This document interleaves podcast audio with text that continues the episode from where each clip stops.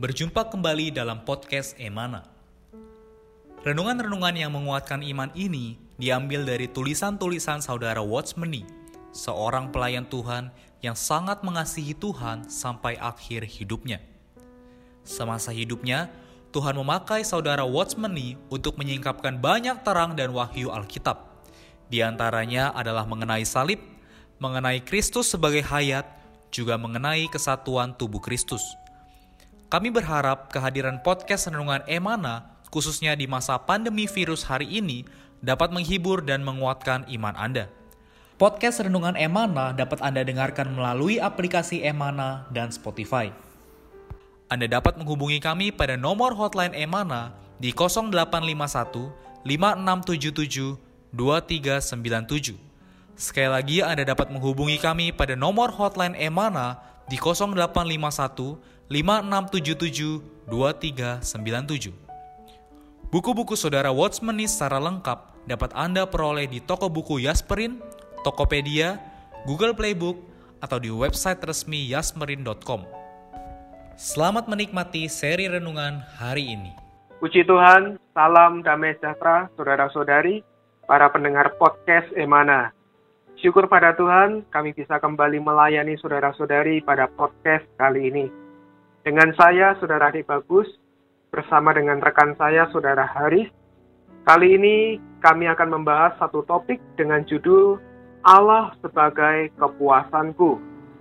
Ayat Alkitab diambil dari kitab Yohanes pasal 4 ayat 14 dan Yesaya pasal 53 ayat 2. Yohanes pasal 4 ayat 14 mengatakan, tetapi barang siapa minum air yang akan kuberikan kepadanya, ia tidak akan haus untuk selama-lamanya. Sebaliknya, air yang akan kuberikan kepadanya akan menjadi mata air di dalam dirinya, yang terus-menerus memancar sampai kepada hidup yang kekal. Yesaya pasal 53 ayat 2, Bagai taruk ia tumbuh di hadapan Tuhan, dan sebagai tunas ia tumbuh dari tanah kering. Ia tidak tampan dan semaraknya pun tidak ada, sehingga kita memandang dia, dan rupanya pun tidak, sehingga kita menginginkannya. Baik, untuk melihat berkat dari kedua ayat ini, langsung saja kita kepada Saudara Haris. Halo, Saudara Haris. Halo. Ya. Amin. Dari kedua ayat ini juga judul yang telah dibacakan, kira-kira Apakah hubungannya, Saudara Haris? Bisa dijelaskan? Amin. Amin. Uh, hari ini kita melihat, menekankan tentang Allah sebagai kepuasanku. Ya. Allah sebagai kepuasan kita. Tuhan di dalam Yohanes pasal 4 ayat 4, eh, Yohanes pasal 4 ayat 14, uh, ya. dia dapat mampu mengatakan perkataan tentang air yang dia berikan kepada uh, perempuan Samaria ini bisa membuat orang yang meminumnya menjadi tidak haus untuk selamanya, bahkan menjadi mata air yang tidak mengering, mata air yang bisa meleraikan rasa haus hingga selamanya, bahkan memancar kepada hidup yang kekal. Amin. Mengapa dia bisa mampu mengatakan demikian? Nah, hal ini dikarenakan dia sendiri menjadi teladan sebagai seorang manusia yang mengambil Allah sebagai kepuasannya. Amin. Allah menjadi mata air di dalam diri Tuhan yang terus-menerus memancar kepada hayat yang kekal. Kalau kita lihat di dalam Yesaya pasal 53 ayat 2, dikatakan dia sebagai tunas. Ayat lain memberitahukan bahwa dia itu adalah tunas Daud. Sebagai tunas Daud, dia adalah sesuatu yang muncul dari keturunan Daud, menunjukkan bahwa dia muncul dari keinsanian menjadi manusia. Dia tumbuh dari tanah kering. Kita di sini melihat bahwa Tuhan di sini menjadi teladan di mana dia mengambil Allah sebagai kepuasannya. Ayat 5 Yesaya ini mengatakan dia tumbuh dari tanah kering. Uh, air yang seharusnya menyuplai uh, dia sebagai tunas bisa tumbuh, itu ternyata air itu tidak ada. Tetapi dia tetap tumbuh dari tanah yang kering. Tanah yang tidak menyuplai uh, air dari dunia. Artinya Tuhan tidak mendapatkan suplaian, tunjangan dari lingkungan air dunia. Sebagai tunas bisa tumbuh dari tanah kering, menunjukkan bahwa segala pertumbuhannya disuplai dari pemberian Allah saja kepadanya. Amin. Bukan dari bantuan dan dorongan lingkungan air dunia. Ya. Amin. Tuhan uh, tidak pernah putus asa, walaupun dia tumbuh dari tanah yang kering, menunjukkan bahwa uh, uh, bahwa dia tetap tumbuh, dia tidak pernah putus asa, walaupun dari tanah yang kering. Bahkan kalau di ayat selanjutnya mengatakan dia digambarkan bahwa dia ini tidak tampan, Uh, dia menjadi manusia tapi tidak tampan. Semaraknya atau kemenarikan dia secara luaran pun tidak ada. Sehingga kita mau memandangnya bahkan rupa pun atau penampilan yang menawan pun dia tidak ada. Sehingga kita mau menginginkannya. Ya. Jadi di dalam segala hal, yaitu secara luaran, Tuhan tidak ditunjang sama sekali tidak dibantu sama sekali, sehingga manusia mau memandang dia ataupun manusia mau menginginkan dia. Dia sangat dibatasi sedemikian rupa, sehingga dia tidak mengandalkan dirinya secara luaran. Ya, tadi dikatakan dia tidak tampan, semaraknya tidak ada, rupa pun tidak ada, sehingga orang menginginkannya. Ini menunjukkan bahwa dia tidak mengandalkan dirinya secara luaran. Dia hanya mengandalkan Allah sebagai kepuasan di dalamnya. Amin. Mengapa dia tidak pernah putus asa, kecewa? Karena Allah sebagai kepuasannya. Amin. Mengapa dia tidak merasa haus akan segala air suplai di dunia? Yang ditunjukkan dengan dia tidak tampan, tidak semaraknya tidak ada, rupa pun tidak tidak ada secara sehingga orang menginginkannya. Uh, mengapa dia tidak putus asa, tidak kecewa, tidak merasa uh, haus akan suplai air dunia? Dia tidak mengharapkan, mengapa dia tidak mengharapkan bantuan dari air dunia?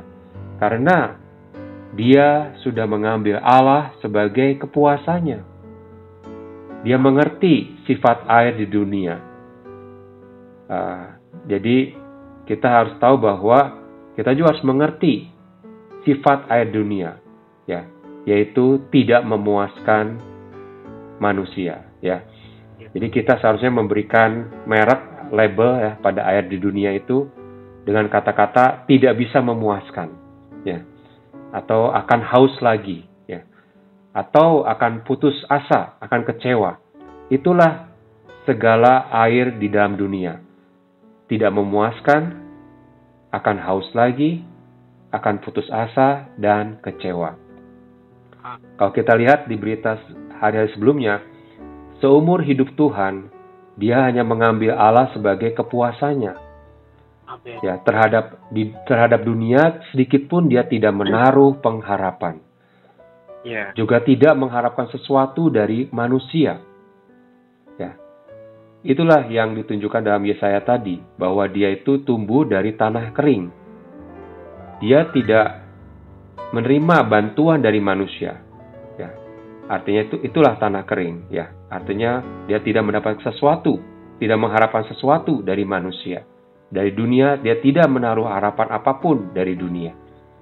Ya. Dunia itu seperti tanah kering tadi. Sama sekali tidak menyuplai apa pun ke atas dirinya, ke dalam dirinya, sehingga uh, uh, di sini menunjukkan bahwa Tuhan tidak mengharapkan sesuatu dari dunia. Ya. Dia hanya mengharapkan Allah saja dan hanya Allah saja sebagai kepuasannya.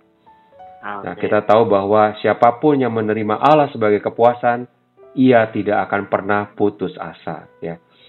Jadi uh, kalau kita hari ini semakin kita mengharapkan barang ataupun kemuliaan ataupun nama ataupun hiburan, tunjangan, bantuan dari dunia yang digambarkan di sini adalah segala bentuk air di dalam dunia, maka kita akan semakin haus lagi. Kita akan semakin putus asa, kita akan semakin kecewa. Segala air di dalam dunia adalah sumber kehausan, sumber keputusasaan, sumber kekecewaan, dan sumber ketidakpuasan. Ya. Jadi, kita harus lihat Tuhan juga ketika dia di atas bumi, meskipun banyak orang menyanjung dia, me mengeluh-elukan dia sebagai bentuk dari tunjangan air di dalam dunia, namun Tuhan menolak semua sanjungan itu. Dia tidak mau menerima kemuliaan dari manusia. Dia tidak mau menerima air dunia yang membuatnya tidak uh, tidak puas. Kenapa? Karena Allah di dalam dirinya sudah memuaskan dirinya ya. Dia menolak jalan yang terus-menerus dihormati, disanjung orang. Dia juga tidak menikmati kenikmatan yang orang dunia berikan kepadanya. Setetes pun dia tidak menerima, tidak meneguk air dunia itu. Dia hanya tahu adalah diri Allah. Dia hanya berketapan pada apa yang Allah berikan. Ya, sebab Allah adalah kepuasannya. Karena itulah jalan Tuhan di bumi tidak bengkok-bengkok ya. Dikatakan Amen. bahwa segala air dunia walaupun segala air dunia itu diberikan kepada dia berusaha menggodai dia, berusaha mencobai dia, tapi tidak ada yang bisa mengubah, mengalihkan, membelokkan jalannya bagi kehendak Allah. Ya. Nah, biarlah kita nampak akan teladan Tuhan ini. Tuhan selalu mengambil Allah sebagai kepuasannya. Ya. Amin. Semoga kita semua mengenal sifat air dunia adalah tidak memuaskan manusia. Tetapi kalau kita mengambil Allah, maka Allah lah sebagai kepuasan kita. Amin. Amin. Ya. Amin. Puji Tuhan, Allah lah kepuasan kita.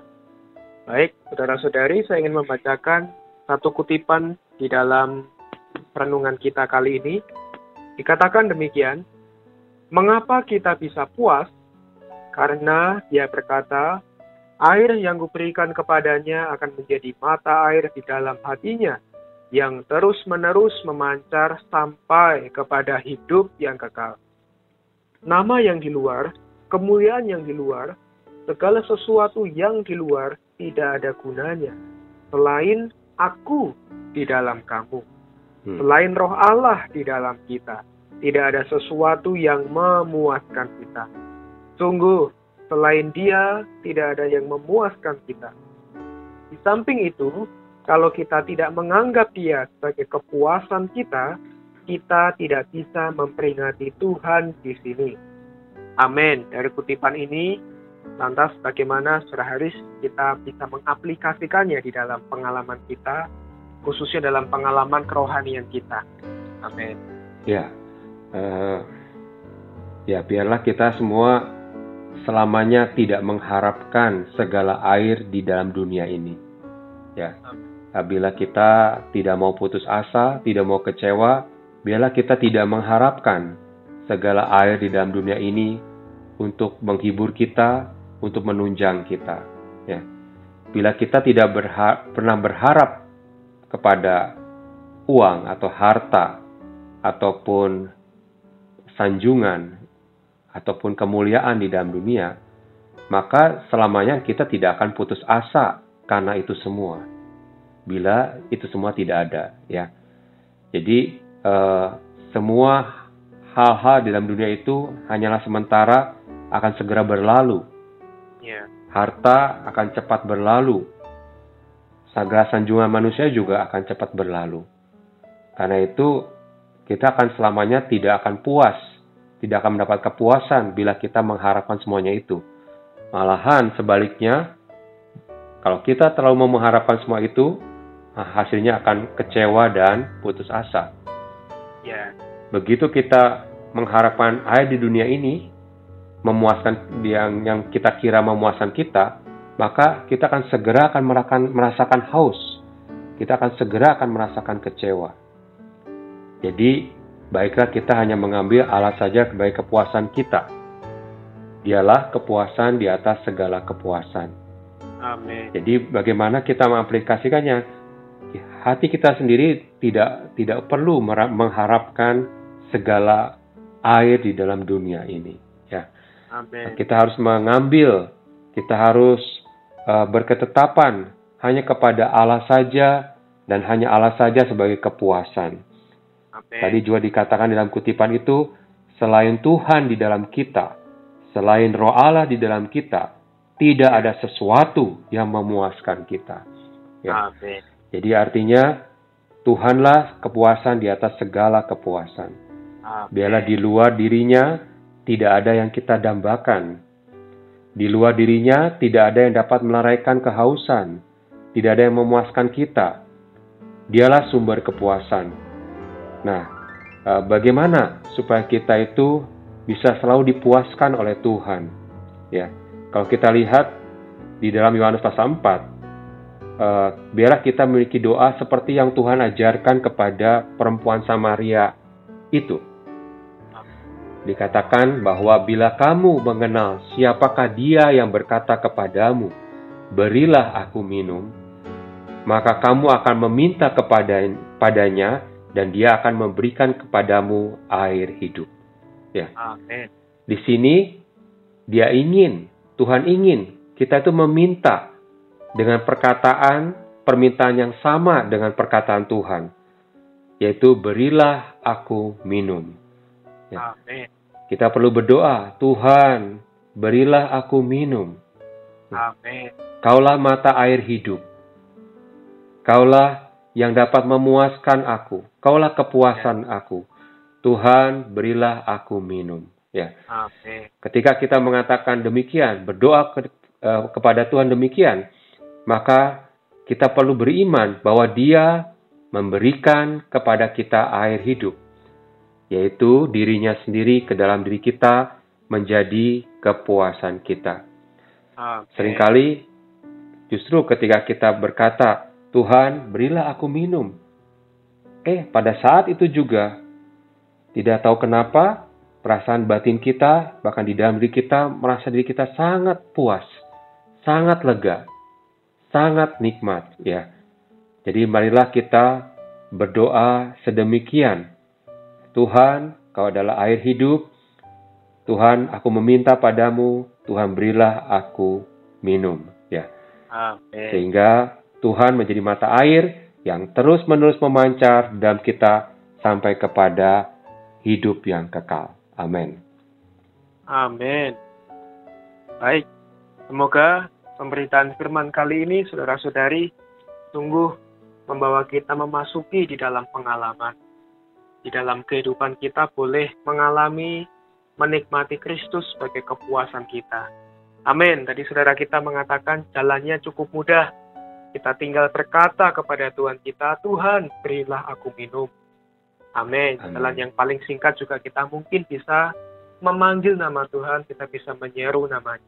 Oh Tuhan Yesus, maka dia akan memberikan kita air hayat yang memuaskan kita. Amin. Amin. Baik, untuk mengakhiri podcast kita kali ini, di dalam kasih, Saudara Haris bisa berdoa untuk kita semua. Amin. Saudara-saudari, mari kita berdoa. Tuhan Yesus, Amin. Tuhan, Kaulah mata air kehidupan. Ya. Tuhan, Kau ingin memberikan air hidup itu kepada kami. Amin. Tuhan, biar kami jadi orang yang selalu meminta kepadamu. Amin. Tuhan, berilah kami minum, Tuhan. Amin. Tuhan, berikanlah kami air hidup itu. Ya. Tuhan, Kaulah air hidup. Kau memberikan dirimu sendiri ke dalam diri kami. Amin. Tuhan, untuk menjadi kepuasan kami. Amin. Tuhan, di luar dirimu tidak ada kepuasan. Di luar dirimu biarlah tidak ada yang kami dambakan. Tuhan, biar hati kami, diri kami, tertuju kepada dirimu saja. Kaulah kepuasan kami. Tuhan, segala air yang di dalam dunia ini tidak bisa kami andalkan, tidak bisa memuaskan kami, Ya. bahkan membuat kami kecewa, membuat kami putus asa.